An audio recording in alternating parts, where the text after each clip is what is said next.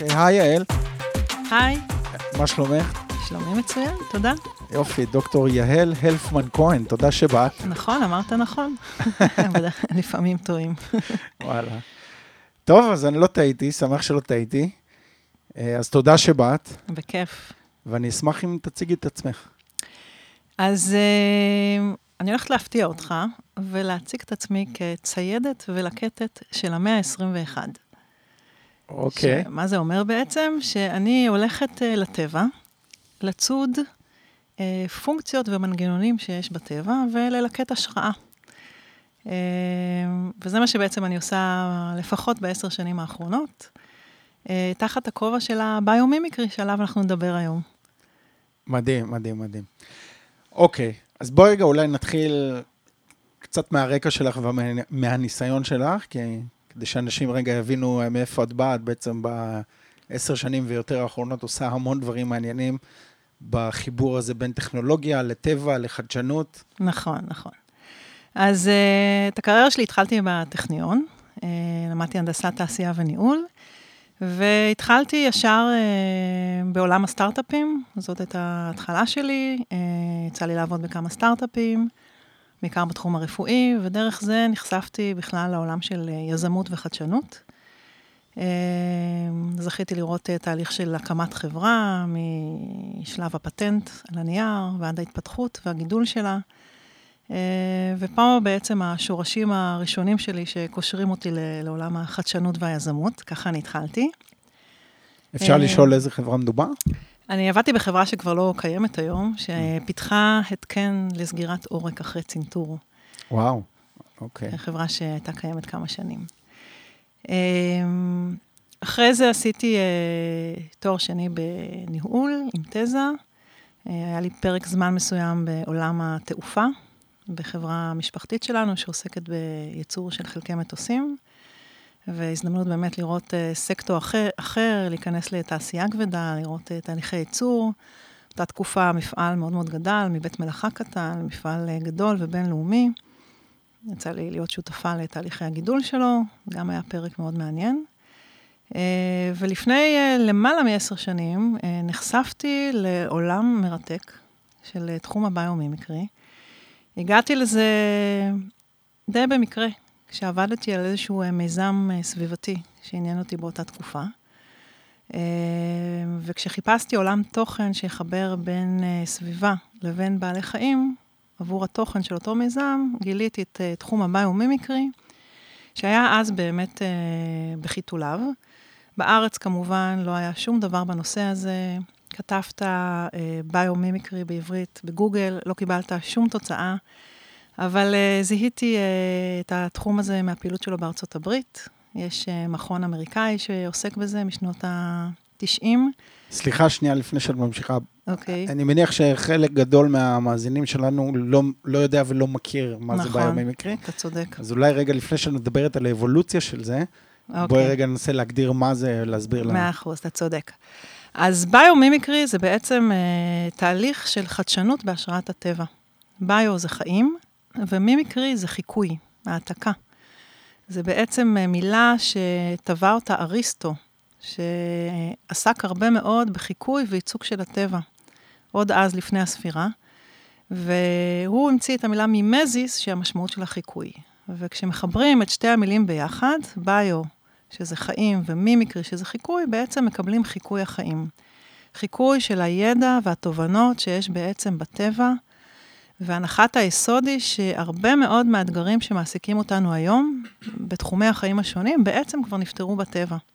ובמקום ללכת ולהמציא את הגלגל מחדש, אנחנו מוזמנים לבוא ולחקות את הטבע בקוף, והרבה פעמים אני אוהבת להגיד לאנשים, חכו, חכו שנייה, רגע, חכו רגע, יש אתגר שמעסיק אתכם בכף, תחכו בכף, ואולי תוכלו לחקות את הטבע בקוף.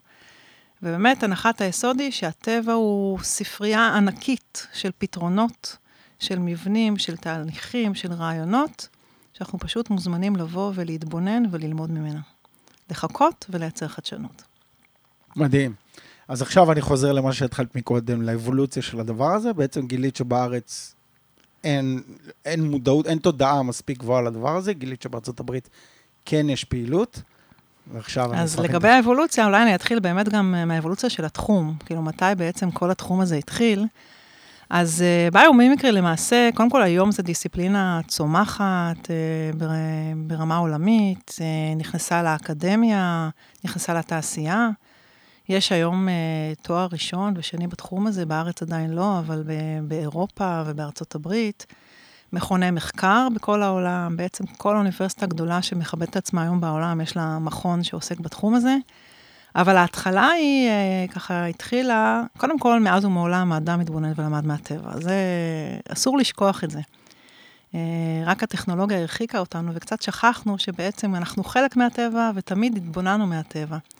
וסביר מאוד להניח שבתקופות קדומות, לפני העידן הטכנולוגי, הרבה מאוד מהרעיונות וההשראה וידע של אנשים שחיו אז לפתור בעיות, הגיע באמת מהתבוננות בטבע. אין לנו תיעוד לזה, אבל מאוד הגיוני לשער שכך היה. אה, ומבחינה יותר מתועדת, אז uh, מזהים את דה וינצ'י, שהוא הראשון, שהוא בעצם אבי הביומימיקרי, כי הוא הראשון שבצורה שיטתית ניסה לחבר בין מצד אחד בסיסי ידע הנדסיים, מצד שני בסיסי ידע זואולוגיים. הוא הרי היה מהנדס וצייר ופסל, אה, אבל כשהוא רצה לפתח מכונה מעופפת, הוא הלך לאוניברסיטה, הוא לא התעצל, ולמד זואולוגיה, כדי לחבר בצורה שיטתית את הידע מהעולם הזואולוגי, מהעולם של מדעי החיים, לידע של ההנדסה. אה, כמובן שהוא לא צלח במשימה שלו, אבל הוא הניח את היסודות לתחום של הביומימיקרי, כמו שאנחנו מזהים אותו כיום. ובעצם ככה בשנות ה-60, התחום הזה שוב ככה תפס אה, תאוצה תחת השם ביוניקס, או ביוניקה, שאם אתם אה, מכירים את האדם הביוני וסטיב אוסטין, אז שם בעצם הכל התחיל של להחליף אה, איברים באיברים ביוניים, חיקוי של היכולות של האיברים הטבעיים שלנו בצורה מלאכותית. כעשור אחר כך, ככה לקראת סוף שנות ה-70, נכנס המונח ביומימטיקה, שגם היום הוא מאוד מאוד מקובל, ובעיקר באקדמיה משתמשים בו. אה, ופה אנחנו רואים איזושהי התרחבות של התחום, זה לא רק אה, חיקוי של אה, איברים או איבר הנדסי מצומצם, אלא התבוננות יותר רחבה בכלל בעולם ההנדסי על מה אפשר ללמוד מהטבע. ובשנות ה-90 נכנס המוס, המונח ביומימיקרי, שקיבל באמת הרבה תאוצה בעקבות הפעילות של המכון האמריקאי. שהמשמעות היא הרבה הרבה יותר רחבה. המשמעות היא של למידה מהטבע במובן הרחב של המילה, לא רק לאפליקציות הנדסיות וטכנולוגיות, אה, גם לתחומים של יותר רכים, של מדעי הניהול, מדעי החברה, אה, פסיכולוגיה. אה, והתחום באמת הלך, הלך והתפתח, ואיתו, התפתח ואיתו גם מגוון היישומים. וגם מה שאנחנו הולכים ומעתיקים מהטבע, גם הלך והתפתח מלהעתיק רק איזושהי פונקציה, להסתכלות יותר נרחבת על תהליכים שיש בטבע. ועד הסתכלות יותר רחבה ברמה המערכתית, על ממש לחקות עקרונות של התנהלות של מערכות בטבע. אז היום באמת התחום הוא בצמיחה עולמית, אה, הוא נקרא ביומימיקרי. אה, אנחנו עוסקים בכל מה שיכול להיות קשור ללמידה מהטבע, החל מהשראה, ממש השראה מהטבע, שזה נקרא יותר Bio-Inspiration או Bio-Inspired Design, שאנחנו הולכים לטבע, מזהים איזשהו רעיון לפתרון, ולוקחים את ההשראה לפתרון, אבל הפתרון הוא לא לגמרי חיקוי מלא של המנגנון שיש בטבע.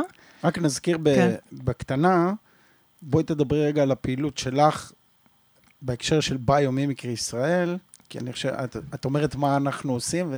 אז, אז רק דקה. אני רק אשלים את, ה, okay. אוקיי. את, ה, את, את הרעיון שהתחלתי. אז לפעמים אנחנו מקבלים השראה מהטבע, ולפעמים אנחנו uh, ממש uh, מעתיקים מנגנונים מלאים מהטבע עד רמת הפרמטרים, וזה נקרא יותר באמת uh, ביומימטיקה, או כל התחום נקרא ביומימיקרי. לגבי הפעילות כאן בישראל, אז כמו שהתחלתי להגיד קודם, אז לפני למעלה, למעלה מעשור זיהיתי את התחום הזה ב, בארצות הברית, מאוד מאוד... התלהבתי, כאילו זה תחום באמת באמת מרתק. קשה להישאר אדישים ל... יש בו הכל, יש בו חדשנות ויש בו טבע ויש בו טכנולוגיה, והוא באמת אה, ככה מאוד מאוד עורר אותי.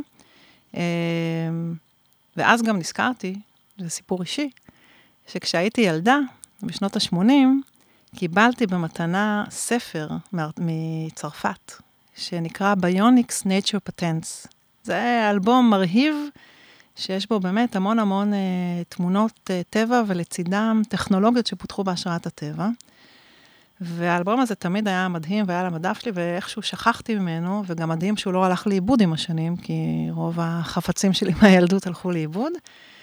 אה, ואז ככה נזכרתי גם באלבום הזה ובזרעים שהוא זרע, והחלטתי שהתחום באמת מרתק, ואני הולכת להרים את הכפפה. אה, וביחד עם שותפה, דוקטור דפנה חיים לנגפורט, הקמנו את ארגון הביומימיקרי הישראלי בשנת 2008, במטרה אה, להפיץ את התחום הזה בארץ, להיות מרכז ידע לתחום הזה בארץ, להתחיל להפיץ את הרעיון, להפיץ את הזרעים, לפתח פה תכנים ולהפיץ את הבשורה. בשביל זה הקמנו את הארגון. וכך היה, התחלנו לפעול ב-2008. אה, בהתחלה באמת, אה, בכל מקום שרצנו עם הרצאות והפצנו את הנושא, אז התחום היה מאוד מאוד חדש. אנשים שאלו אותנו, ביו מה? סימן שאלה, כזה במילה, מה זה המילה הארוכה הזאת? אה, אבל אה, באמת אה, עם עבודת שטח והרבה מאוד הרצאות והרבה מאוד סבלנות, לאט לאט יצרנו פה קהילה שעוקבת אחרי הפעילות שלנו. התחום באמת התפשט, התחילו קורסים שפיתחנו והתחלנו ללמד אותם. שמי היה קהל היעד של הקורסים? קהל היעד של הקורסים, הוא בעיקרון קהל רחב, אבל בעיקר האנשים שהגיעו הם אנשים מתחומי ההנדסה, ממש מהנדסים שמחפשים אה, כלים אה, לתכנון, ותכף נדבר באמת על, ה, על הפרקטיקה של התחום הזה ומה עושים איתו. אה, מעצבים, אדריכלים, אנשי סביבה, ביולוגים, אנשי חינוך, יזמים, מנהלים. ומה שיפה בקורסים האלה עד היום, שהם תמיד מאוד מאוד הטרוגנים, אנשים מדיסציפלינות שונות, אה, עובדים ביחד, וזה גם המהות של הביומימיקרי, שהוא תחום מולטי-דיסציפלינרי, שהוא בעצם מפגש של דיסציפלינות שעובדות ביחד, חיבור של ביולוגיה, של הנדסה, של עיצוב, אה, ובחיבור הזה, במפגש הזה, נוצרת החדשנות. אז מדהים.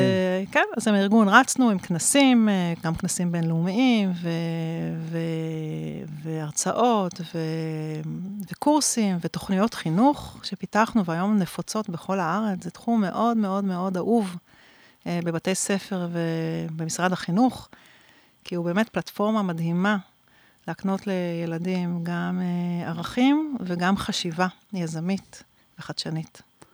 מדהים. אני אשמח אם רגע נדבר על האפליקציה של התחום הזה. זאת אומרת, הקונספט הוא ברור, להסתכל על הטבע ולחקות מערכות ביולוגיות כדי למצוא פתרונות טכנולוגיים. אם את יכולה עכשיו רגע לפרוס בפנינו מחקרים או דוגמאות לאיך הדבר הזה נראה בפרקטיקה. כן, בכיף. אז אה, באמת, קודם כל, ביומימיקרי זה מנוע חדשנות, זה מתודולוגיית חדשנות. אה, והחדשנות היא בעיקר בשלבים הראשוניים של תהליך התכן ההנדסי או תהליך החדשנות, והשלבים שבהם אנחנו בעצם מחפשים רעיונות לפתרון. זה השלבים שנקראים אה, design concepts, או השלב הקונספטואלי, שבו אנחנו יוצאים מאיזשהו אתגר ומחפשים פתרונות אפשריים לאתגר הזה. ובשלב הזה, המאוד ראשוני, הביומימיקרי נכנס, והוא למעשה מנגיש לנו את מאגר הפתרונות של הטבע. תמיד אומרת שהביומימיקרי זה המנוע, המנוע של החדשנות, אבל הדלק זה כל הטבע, זה המנגנונים הביולוגיים.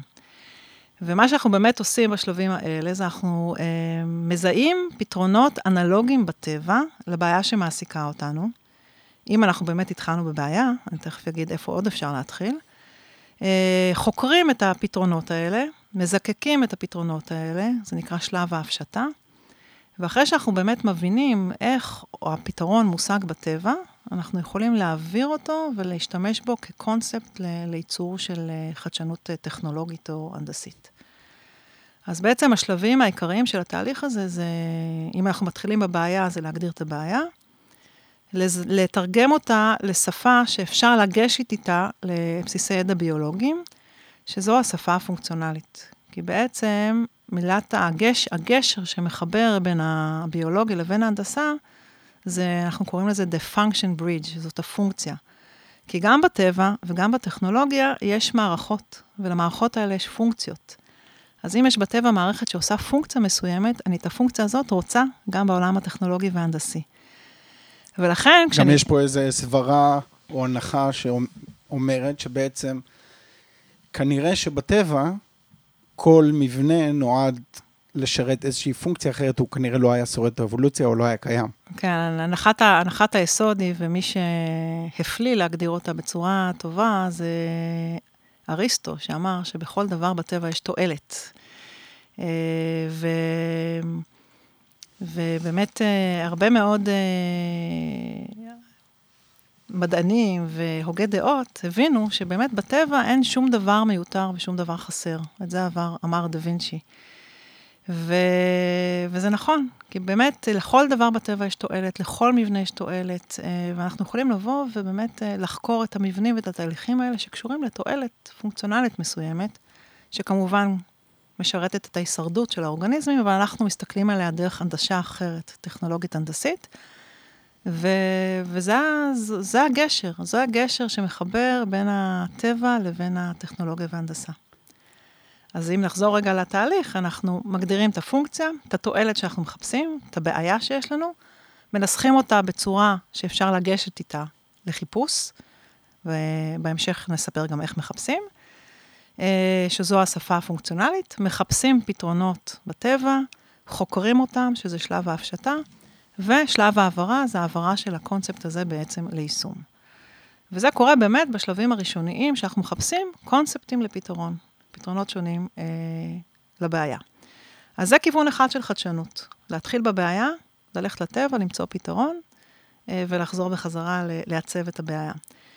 Uh, כיוון אחר שאנחנו רואים הרבה מאוד, זה דווקא להתחיל בפתרון, שפה מה שאנחנו עושים בעצם זה משטחים בעיות לפתרון.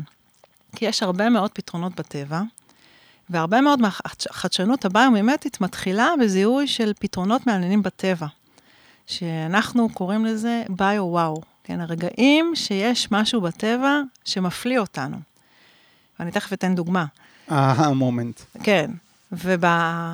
האוריקה הזה, במשהו הזה שמפליא אותנו, שם יש את הפוטנציאל של החדשנות, אנחנו מזהים שיש פה פתרון לבעיה, ומחברים את זה לעולם תוכן שבו באמת הפתרון הזה יכול לתת ערך. אבל החדשנות התחילה בטבע, בזיהוי של הפתרון. ואולי עכשיו, כדאי שניתן דוגמה לכל אחד מה, לגמרי, מהכיוונים האלה. לגמרי. מצוין. עכשיו זה המאני טיים, כאילו להבין שכל הדבר הזה באמת, באמת אפליקטיבי. באמת עובד, כן. מצוין. אז בואו ניתן דוגמה אחת לחדשנות שהתחילה בטבע. ואחת הדוגמאות שאני מאוד מאוד אוהבת, בעיניי פשוט אה, מנגנון גאוני, אה, נקראת אפקט הלוטוס. אה, מסתבר שפרח הלוטוס הוא פרח שגדל בביצה, באזור של בוץ, ולמרות זאת הוא תמיד נקי. ולא באים גמדים קטנים בלילה ומנקים אותו, אם חשבת. זה לא קורה. אז באמת, זאת הפליאה, לראות צמח שגדל בתוך ביצה, מלאה בוץ, והוא תמיד נקי. אז איך יכול להיות שהוא נקי? זו שאלת הפליאה, לזה אנחנו קוראים ביו-וואו. כי מאחורי השאלה הזאת מסתתר מנגנון מאוד מאוד חדשני, ומי שהתפלא היה באמת בוטנאי גרמני בשם ברטלוט, ששאל את השאלה הזאת, התפלא והחליט לחקור מה הופך את הצמח הזה לנקי. והוא גילה מנגנון ניקוי עצמי, אה, ממש self-cleaning mechanism, שקשור למבנה ברמה הננומטרית של העלים של הלוטוס. יש עליו בליטות קטנות קטנות, שהופכות אותו לדוחה מים בצורה קיצונית, סופר הידרופובי. כלומר, כל טיפת מים שנופלת על העלה, אה, נדחית ממנו, מקבלת צורה של כדור, מתגלגלת, ועל הדרך עושה עבודה. ואני חושבת שזה פשוט גאוני, כי ברגע שמיוצר משטח פעם אחת, ויש גשם בחוץ או מים בחוץ, המשטח מקבל שירות ניקוי עצמי לכל החיים, ללא אנרגיה, ללא דטרגנטים, ללא זיהום של הסביבה. ובאמת, יש למעלה מ-200 פטנטים שכבר נרשמו ליישומים שונים לאפקט הזה. החל מצבעים שמתנקים בעצמם, דרך זכוכיות שמתנקות בעצמם, בדים, דוחי לכלוך בצורה קיצונית, ציפוי למטוסים שדוחה קרח, אה, שמבוסס על האפקט הזה, המון המון המון יישומים. אז אה, זו דוגמה לחדשנות שהתחילה בטבע. מדהים. מדהים. וחדשנות שהתחילה בהגדרת הצורך, אז באמת אה, כאן רואים יותר פעילות של חברות שמעוניינות לייצר חדשנות, יוצאות מצורך מסוים ומוצאות אה, אנלוגיות אה, בטבע לצורך הזה. אז למשל, אני יכולה לציין את חברת פסטו, שהיא חברה מובילה עולמית בתחום הרובוטיקה והאוטומציה, שיש לה ממש מחלקת ביומימיקרי. והם ממש מגדירים אתגרים, למשל, אה, אתגר של ידית, הובלה ואחיזה, שנע במרחב בצורה מדויקת ויעילה, וכשמגדירים את זה בצורה כזאת, אפשר לזהות אה, מערכות כאלה בטבע, למשל, החדק של הפיל, שהיא ידית הובלה מדהימה, כי הוא יכול לתפוס גם דברים קטנים, קטנים מאוד וגם גדולים, והוא מאוד מאוד יעיל בתנועה שלו. והם באמת חקרו את החדק של הפיל, זיהו שבתוכו יש מערכת של uh, עשרות אלפי שרירים לא דחיסים, חיכו את המבנה הזה ופיתחו זרוע ביונית מאוד מאוד uh, יעילה, שמשמשת היום ברצפות ייצור של מפעלים. וואו, אוקיי, חברת פסטו. כן, למשל, יש עוד הרבה. תגידי, התחום הזה גם נוגע להיבטים קצת יותר רכים? אה, דיברנו על זה קצת מקודם, לפני נכון. שהתחלנו להקליט את הרעיון. נכון, נכון. בטבע יש גם המון מערכות חברתיות. נכון. שאפשר להסתכל עליהן וללמוד המון על, על מנהיגות, על הצורה שבה יצורים חיים מתחברים או לא מתחברים אחד לשני, סביב האינטרסים של החיבור הזה, סביב אולי הממשקים בין זנים שונים. היום אנחנו יודעים להשתמש בהסתכלות על הטבע בהיבטים האלה ולהקיש מהם גם נכון. גם להיבטים חברתיים, או אפילו נגיד במבנה הארגוני. נכון, לגמרי. אז קודם כל זה מאוד מאוד מרתק. ובאמת באבולוציה של הביומימיקרי, אז ככה התחום שהתפתח בשנים האחרונות נקרא social ביומימיקרי, ביומימיקרי חברתי יותר, שבו באמת ההסתכלות היא יותר רחבה, ולא רק ליישומים בעולם ההנדסי והטכנולוגי. וכמו שאמרת, אסף, בטבע באמת יש המון פעילות חברתית שאפשר ללמוד ממנה, התנהגות של בעלי חיים, פעילות בקבוצות. ויש בהחלט גם הסתכלות בנושא הזה. אה, אני יכולה לספר למשל על מחקר דווקא לשדה הפסיכולוגי שעשו, שחקרו עופות נודדים, שאם תחשוב על זה, אה, הם, עושות מסע, הם עושים מסע מטורף, שיש המון סטרס ולחץ במסע הזה. לעבור אה, מאות אלפי קילומטר, זה באמת מאוד מלחיץ, בלי מזון, בלי מים, עם סכנות בדרך. ומה שעשו במחקר הזה, זה חקרו איך העופות הנודדים מתמודדים עם הלחץ של המסע הזה, זיקקו את הממצאים לכמה עקרונות להתמודדות עם מצבי לחץ, ותרגמו את זה למודל פסיכולוגי אנושי, שיאפשר גם לנו, אנשים, להתמודד בצורת לחץ טובה, עם לחץ בצורה טובה יותר. אז זו דוגמה יפה למחקר בתחום הפסיכולוגי. יש כמובן גם הרבה מאוד... מה היו המסקנות? זוכר את המסקנות? אה, אז יש למשל ככה, אחת המסקנות היא שהעופות הנודדים נערכים מבעוד מועד ללחץ הזה, למשל על ידי אגירה של שומנים בגוף שלהם, שינוי של כל מיני הרכבים במטאבוליזם שלהם. אז באמת הנושא של ההיערכות מראש למצב של הלחץ, מעקפים שהם עושים בדרך כשהם מגיעים אה, לאזורים שבאמת אה, יש שם סכנות גדולות מדי, אז הנושא של מעקפים. אה, מסקנות מה, מהסוג הזה, שבאמת אפשר לתרגם אותם לפרקטיקה אנושית גם. כן. לגמרי. אה, עוד מחקרים חברתיים קשורים למשל לנושא של מנהיגות והובלת צוותים. אז uh, עשו מחקרים על, uh, שוב, על עופות נודדים, שנוהגים uh, לעוף בצורת V. כולם מכירים את ה-V הזה שרואים בשמיים. אז מעבר לעובדה מעניין ש... מעניין שקוראת לזה V, אני קורא לזה חץ. חץ, כן, V, ויקטורי, ניצחון. כן. באמת זה מנגנון מנצח, כי אה, מסתבר שכל פרט לבד לא היה עובר את המסע הזה, מבחינה אנרגטית האתגר הוא עצום. אבל כשהם עפים בצורה של V או ראש חץ, אז כל עוף חותך את האנרגיה לעוף הבא, חותך את האוויר לעוף הבא, מפחית את ההתנגדות שלו, כך שסך האנרגיה ש, שמשקיעים הרבה יותר אה, נמוכה.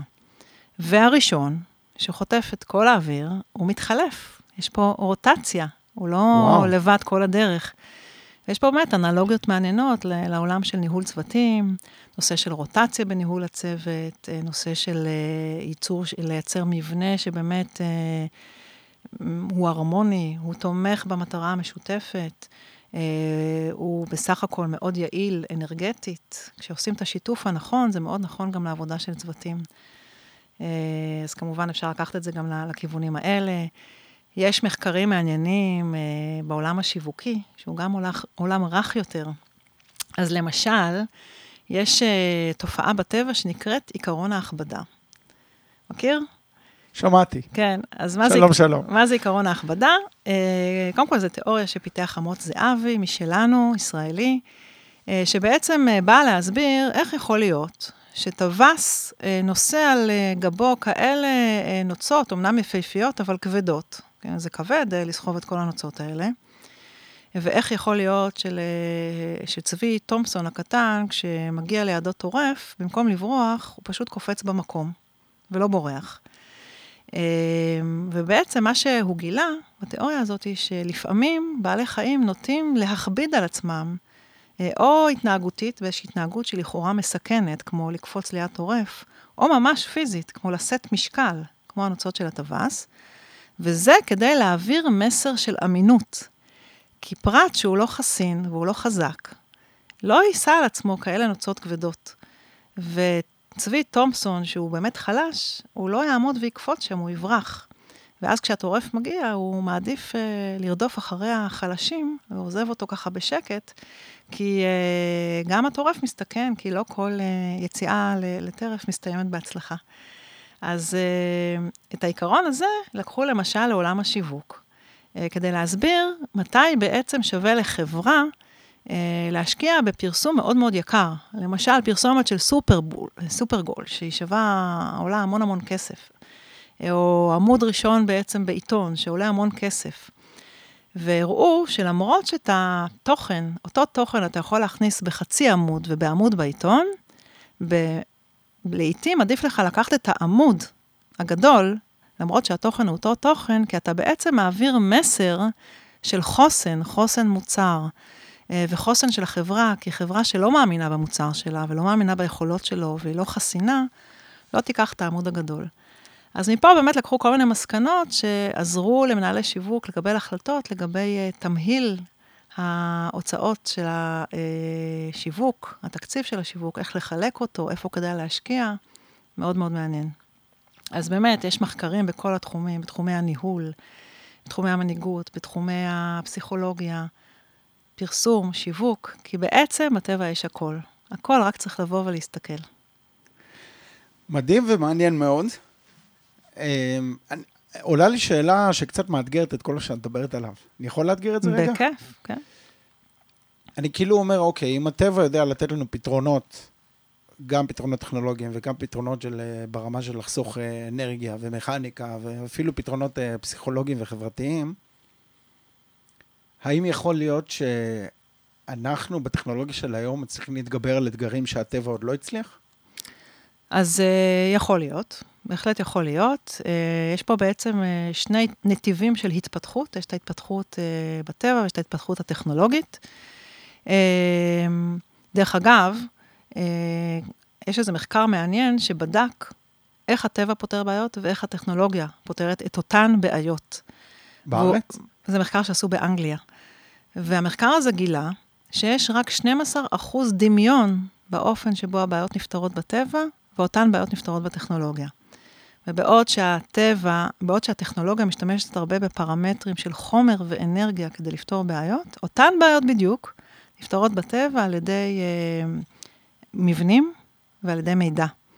שזה בעצם מראה את הפוטנציאל הגדול של הלמידה מהטבע, בעיקר באמת למטרות של הפתרונות הרבה יותר מקיימים, סביבתיים ו- ויעילים. מה זאת אומרת מידע? אה, מידע, זאת אומרת, בטבע באמת הרבה מאוד מהפתרונות קשורים באמת למבנים חכמים, כמו אפקט הלוטוס, ומידע זה מעגלי משוב, משוב עם הסביבה, זה פידבק, זה מידע שמגיע אה, מהסביבה. זה סנסורים מתוחכמים ברמות על שאנחנו רק יכולים לחלום עליהם, כן? כמו חיפושית, שמזהה אש ממרחק של 80 קילומטר. אלה היכולות של הטבע. רגע, זה מעניין, איך היא עושה את זה? איך היא עושה את זה? היא uh, רגישה מאוד לרכיבים קטנים של אינפרה אדום שנפלטים מהעשן.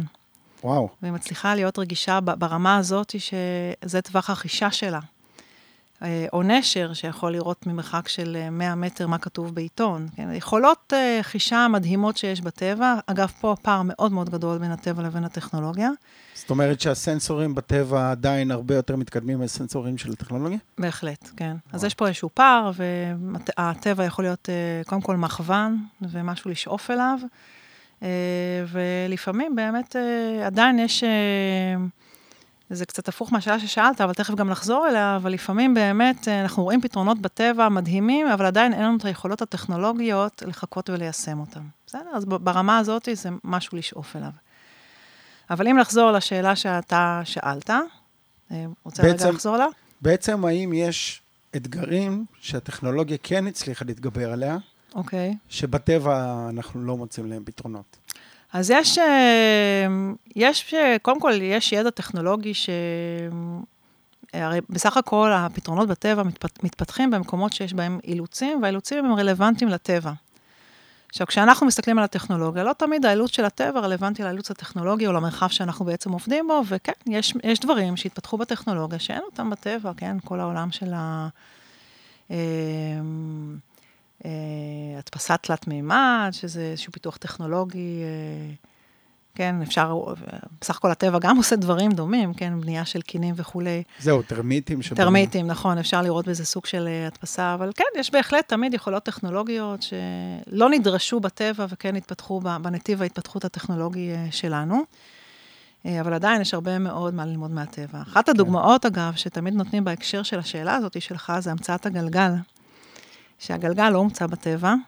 אה, אין כמעט דוגמאות לגלגלים בטבע, למעט אומרים שהשוטון, שזה איבר התנועה של למשל תא הזרע, נע בצורה שמזכירה גלגל, אבל גלגל לא התפתח בטבע. אה, כי תחשוב על זה, אה, להכניס גלגל לתוך גוף מלא רקמות, זה משהו קצת קשה. וגם שכנראה בעלי החיים לא צריכים, כי הם נעו מספיק מהר. הגלגל בא לקדם אותנו יותר מהר. אז לפ- לפעמים הצורך הטכנולוגי האנושי הוא לא תמיד קיים בטבע, ובמקומות האלה נראה קדמה אנושית טכנולוגית שלא בהכרח נמצאת בטבע. אוקיי, מעניין מאוד, יעל, תודה. אני רוצה, קודם כל יש כמה דברים שחשוב לדעת עלייך. את גם כתבת ספר, שאולי כדאי שתדברי עליו, כי הוא מעניין. נכון. אז הספר באמת הוא תולדה של הדוקטורט, אני קצת אספר על ההתפתחות המקצועית שלי בתחום, אז באמת אחרי שגיליתי את התחום הזה ב-2008-2009 והקמנו את העמותה, את ארגון הביומיקר הישראלי, החלטתי שבאמת התחום מספיק מרתק בשביל לעשות עליו דוקטורט, ועשיתי דוקטורט באוניברסיטת תל אביב. אה, הדוקטורט אה, עסק בפיתוח של שיטת תכן ביומימטית, אה, שמייצרת חדשנות וקיימות. ועכשיו לאלה מאיתנו שהם לא טכנולוגיים, אם את יכולה להגיד את המשפט שאמרת בצורה אוקיי, יותר- בעצם אני אגיד ככה, כשאני התחלתי את הדוקטורט, היה לי מאוד מאוד חשוב לסיים עם משהו פרקטי. זאת אומרת, לא עם משהו תיאורטי, אני גם לא בן אדם ש... אני לא באתי מהאקדמיה, ואני גם לא נמצאת באקדמיה עכשיו. היה לי מאוד מאוד חשוב לסיים עם שיטה. ובעצם, מה זה שיטה? מה זה שיטה ביומימטית? שיטה ביומימטית זה שיטה שעוזרת למישהו שרוצה לייצר חדשנות, לייצר אותה. זה אומר בעצם שהיא עונה על שתי בעיות עיקריות. אחד, איפה למצוא פתרונות בטבע. עכשיו, יש לך בעיה, אתה רוצה לפתור אותה, אתה רוצה ללכת לטבע, איפה אתה מוצא את הפתרון? יש מיליונים של אפשרויות. אז השיטות הביומימטיות נותנות מענה לבעיה הזאת של החיפוש, קוראים לזה שיטות חיפוש. והשיטה, התחום הש- השני שהשיטות האלה נותנות אה, מענה, זה אה, איך לנתח את הפתרונות של הטבע. הכל טוב, הכל מעולה, מצאת פתרון בטבע, מה אתה עושה איתו עכשיו? בסדר, אם אתה לא ביולוג ואתה לא מבין אותו, איך אתה יכול לגשת אליו אולי כמהנדס, כמתכנן? וכאן נכנסות שיטות ההפשטה. ולי היה מאוד מאוד מאוד חשוב לסיים את הדוקטורט עם באמת שיטה פרקטית שאפשר לעבוד איתה, וזה מה שאני עשיתי. אה, פיתחתי שיטה שמבוססת על אה, מבנים חוזרים בטבע. קצת, אה, קצת אני אספר מה עשיתי בדוקטורט. אני, קודם כל התחלתי ולא היה לי מושג מה אני עושה, כי התחום באמת, באמת, באמת היה בחיתוליו, וגם לא היה כל כך reference ולמה להתייחס ומה לגעת. וזה שנה ככה קראתי, הסתובבתי, התחלתי לייצר לעצמי database של אה, חדשנות ביומימטית, כל מוצר, כל טכנולוגיה שראיתי, הכנסתי. ולא ממש ידעתי מה אני עושה עם זה. ואז נחשפתי למתודולוגיה שנקראת TRIZ, שזו חשיבה המצאתית אה, שיטתית. אה, ודרך השיטת חשיבה הזאת, הבנתי שאני צריכה לחפש דפוסים בטבע. לראות מה בעצם חוזר בכל המאגר המאוד גדול של הפתרונות שמצאתי, שכבר הגיע לכמה מאות, איזה דפוסים חוזרים יש במאגר הזה, שיכולים להסביר את החדשנות שנוצרת שם. והלכתי על הכיוון של דפוסים מבניים, כי כמו ששמעתם קודם, מבנים זה, זה בעצם השורש של הפתרונות בטבע, וחלק גדול מאוד מהחדשנות הביומימטית מבוססת על מבנים. ושאלתי את עצמי, איזה מבנים חוזרים בטבע, ב database הזה? והשאלה השנייה ששאלתי, זה איזה פונקציות קשורות למבנים האלה. ואחרי הרבה מאוד אה, חקירה, הגעתי לזיקוק של אה, תשעה מבנים שחוזרים בטבע, ותשע פונקציות גנריות שקשורות אליהם, שבעצם זה השפה המבנית של הטבע. זה איך הטבע מייצר פונקציות באמצעות מבנים. אה, שזה הבסיס של הדוקטורט שלי, ו... ובאמת את זה תרגמתי לשיטה שאפשר עכשיו לעבוד איתה, גם לחפש. הקמתי אה, מאגר מידע שנמצא ברשת, שנקרא Find Structure, נמצא, אסף ישים לכם אחר כך לינק אליו, הוא נמצא בכתובת אה, www.findstructure.org, ששם למעשה יושב כל ה database של הדוקטורט שלי ומידע נוסף שנוסף אליו, שיש שם ממש אה, אפשרות למצוא פתרונות בטבע באמצעות או מבנים או פונקציות, אפשר להיכנס, להגדיר את הפונקציה, או להגדיר את המבנה, אחרי שהבנתם מה הקשר בין הפונקציות למבנים, ולמצוא פתרונות בטבע. אז uh, זה אחד מהתוצרים של הדוקטורט, זה הכלי חיפוש. Uh, כמובן שזה פורסם גם כספר, מה שאמרת קודם. Uh, עם, לספר גם הוספתי הרחבות מהניסיון שלי, מהפרקטיקה, של איך עובדים עם השיטה הזאת ואיך מייצרים חדשנות. וזה בגדול מה שעשיתי בדוקטורט, ו... ועם הקריירה גם באמת התפתח הניסיון, הרבה מאוד פרקטיקה של... אה, ליווי של ארגונים בתהליכי חדשנות, שאם תרצה להרחיב על זה קצת, שהם אה, באמת אה, מבוססים על, על השיטה שפיתחתי ושיטות אחרות. כן, אני אשמח אם את יכולה לתת כן. על זה כמה מילים. איפה היום את או הארגון ביומימיקרי ישראל עוסקים בהקשרים של ליווי ארגונים דרך העיניים של ביומימיקרי? אוקיי. אני חושב שזה אולי פרק, זה נושא לפרק בפני עצמו, אבל זה אוקיי. כן מעניין רגע לגעת בזה על קצה המזלג, אם את, אה, ככה לקראת סיום, אם את יכולה להזכיר את זה, ואולי אפילו להזמין את מי שמעניין אותו. אוקיי. ליצור איתך קשר ולשמוע עוד. אז בעיקרון הארגון, אה, הביומיקרי מתעסק באמת בעיקר בקורסים היום וכנסים שאנחנו מארגנים, ואת כל תהליכי החדשנות אני עושה בכובע נוסף, כיועצת אה, חדשנות. אה, והתהליך הוא באמת אה, מאוד מעניין. אני מגיעה לארגונים, אני שומעת על האתגר הטכנולוגי, הנדסי שמעסיק אותם, אני בדרך כלל יושבת עם צוותי מחקר ופיתוח, אה, ואנחנו בעצם עושים תהליך כפול. אנחנו גם עובדים על האתגר שמעסיק אותם, ואני גם מלמדת אותם את השיטה ואת המתודולוגיה, כדי שירכשו כלי חדשנות, שיוכלו להשתמש בו גם בעתיד בעצמם. ותוצר של תהליכים כאלו זה באמת אה, למצוא פתרונות קונספטואליים לאתגר שמעסיק אותם, לקדם אותם עד רמה של אה, בחינת ההיתכנות, ממש ההנבטה הראשונית של התהליך חדשנות בתוך הארגון. מדהים, יופי. אז יעל, תודה רבה. היה מעניין מאוד ומעורר השראה. בכיף. אתה רוצה שניתן כמה כישורים וטיפים לאיפה לחפש? בטח, ו... בשמחה. אז ככה, מי ש... רק, ש... רק שגם את תדעי וגם מי שמאזין לנו, שגם יופיעו כל הכישורים שאת הולכת לדבר עליהם, ובטח תשלחי לי יותר מאוחר, גם מופיעים למטה, מתחת לנגן. בכיף. אה, ואפשר להגיע אליהם. בכיף. אבל כן, תספרי. זה. אז קודם כל, אה, אה, מי שהתחום מעניין אותו, יש המון המון מידע על התחום הזה. תכתבו biomimicry בגוגל, גם תגיעו לארגון שלנו. גם באתר האמריקאי נשים קישור, יש הרבה מאוד מידע. מעבר ל database שאני פיתחתי, יש אה, database אה, מעולה שאני חייבת אה, לפרגן להם, אה, שנקרא Ask Nature, זה database של המכון האמריקאי, שזה כלי מעולה להתחיל לחפש שם פתרונות בטבע, שהוא תוכנן לאנשים שמנסים לייצר חדשנות, ואפשר לחפש בו באמת אה, לפי פונקציות. Uh, נשים קצת כישורים אולי למאמרים. ויש uh, קהילת פייסבוק שקמה, uh, שנקראת ביומה, סקרני הטבע, שעוסקת בכל מה שמסקרן בטבע ואפשר ללמוד ממנו, אה, בכל התחומים, לא רק בהנדסה וטכנולוגיה. ואני מזמינה את כל מי שמעניין אותו אה, ללמוד מהטבע, לקבל השראה, להצטרף. אה, פשוט תכתבו ביום הסקרני הטבע. ובאמת לקבל אה, השראה יומית, זריקה יומית של מוטיבציה והשראה מהטבע. ואני יכולה ככה באמת איזה משפט סיכום, איזה ברור. מסר כזה. בטח. אז uh, התחלתי בזה שאני קוראת לעצמי ציידת ולקטת של המאה ה-21, זה, זה הגדרה שהגעתי אליה ככה לאחרונה.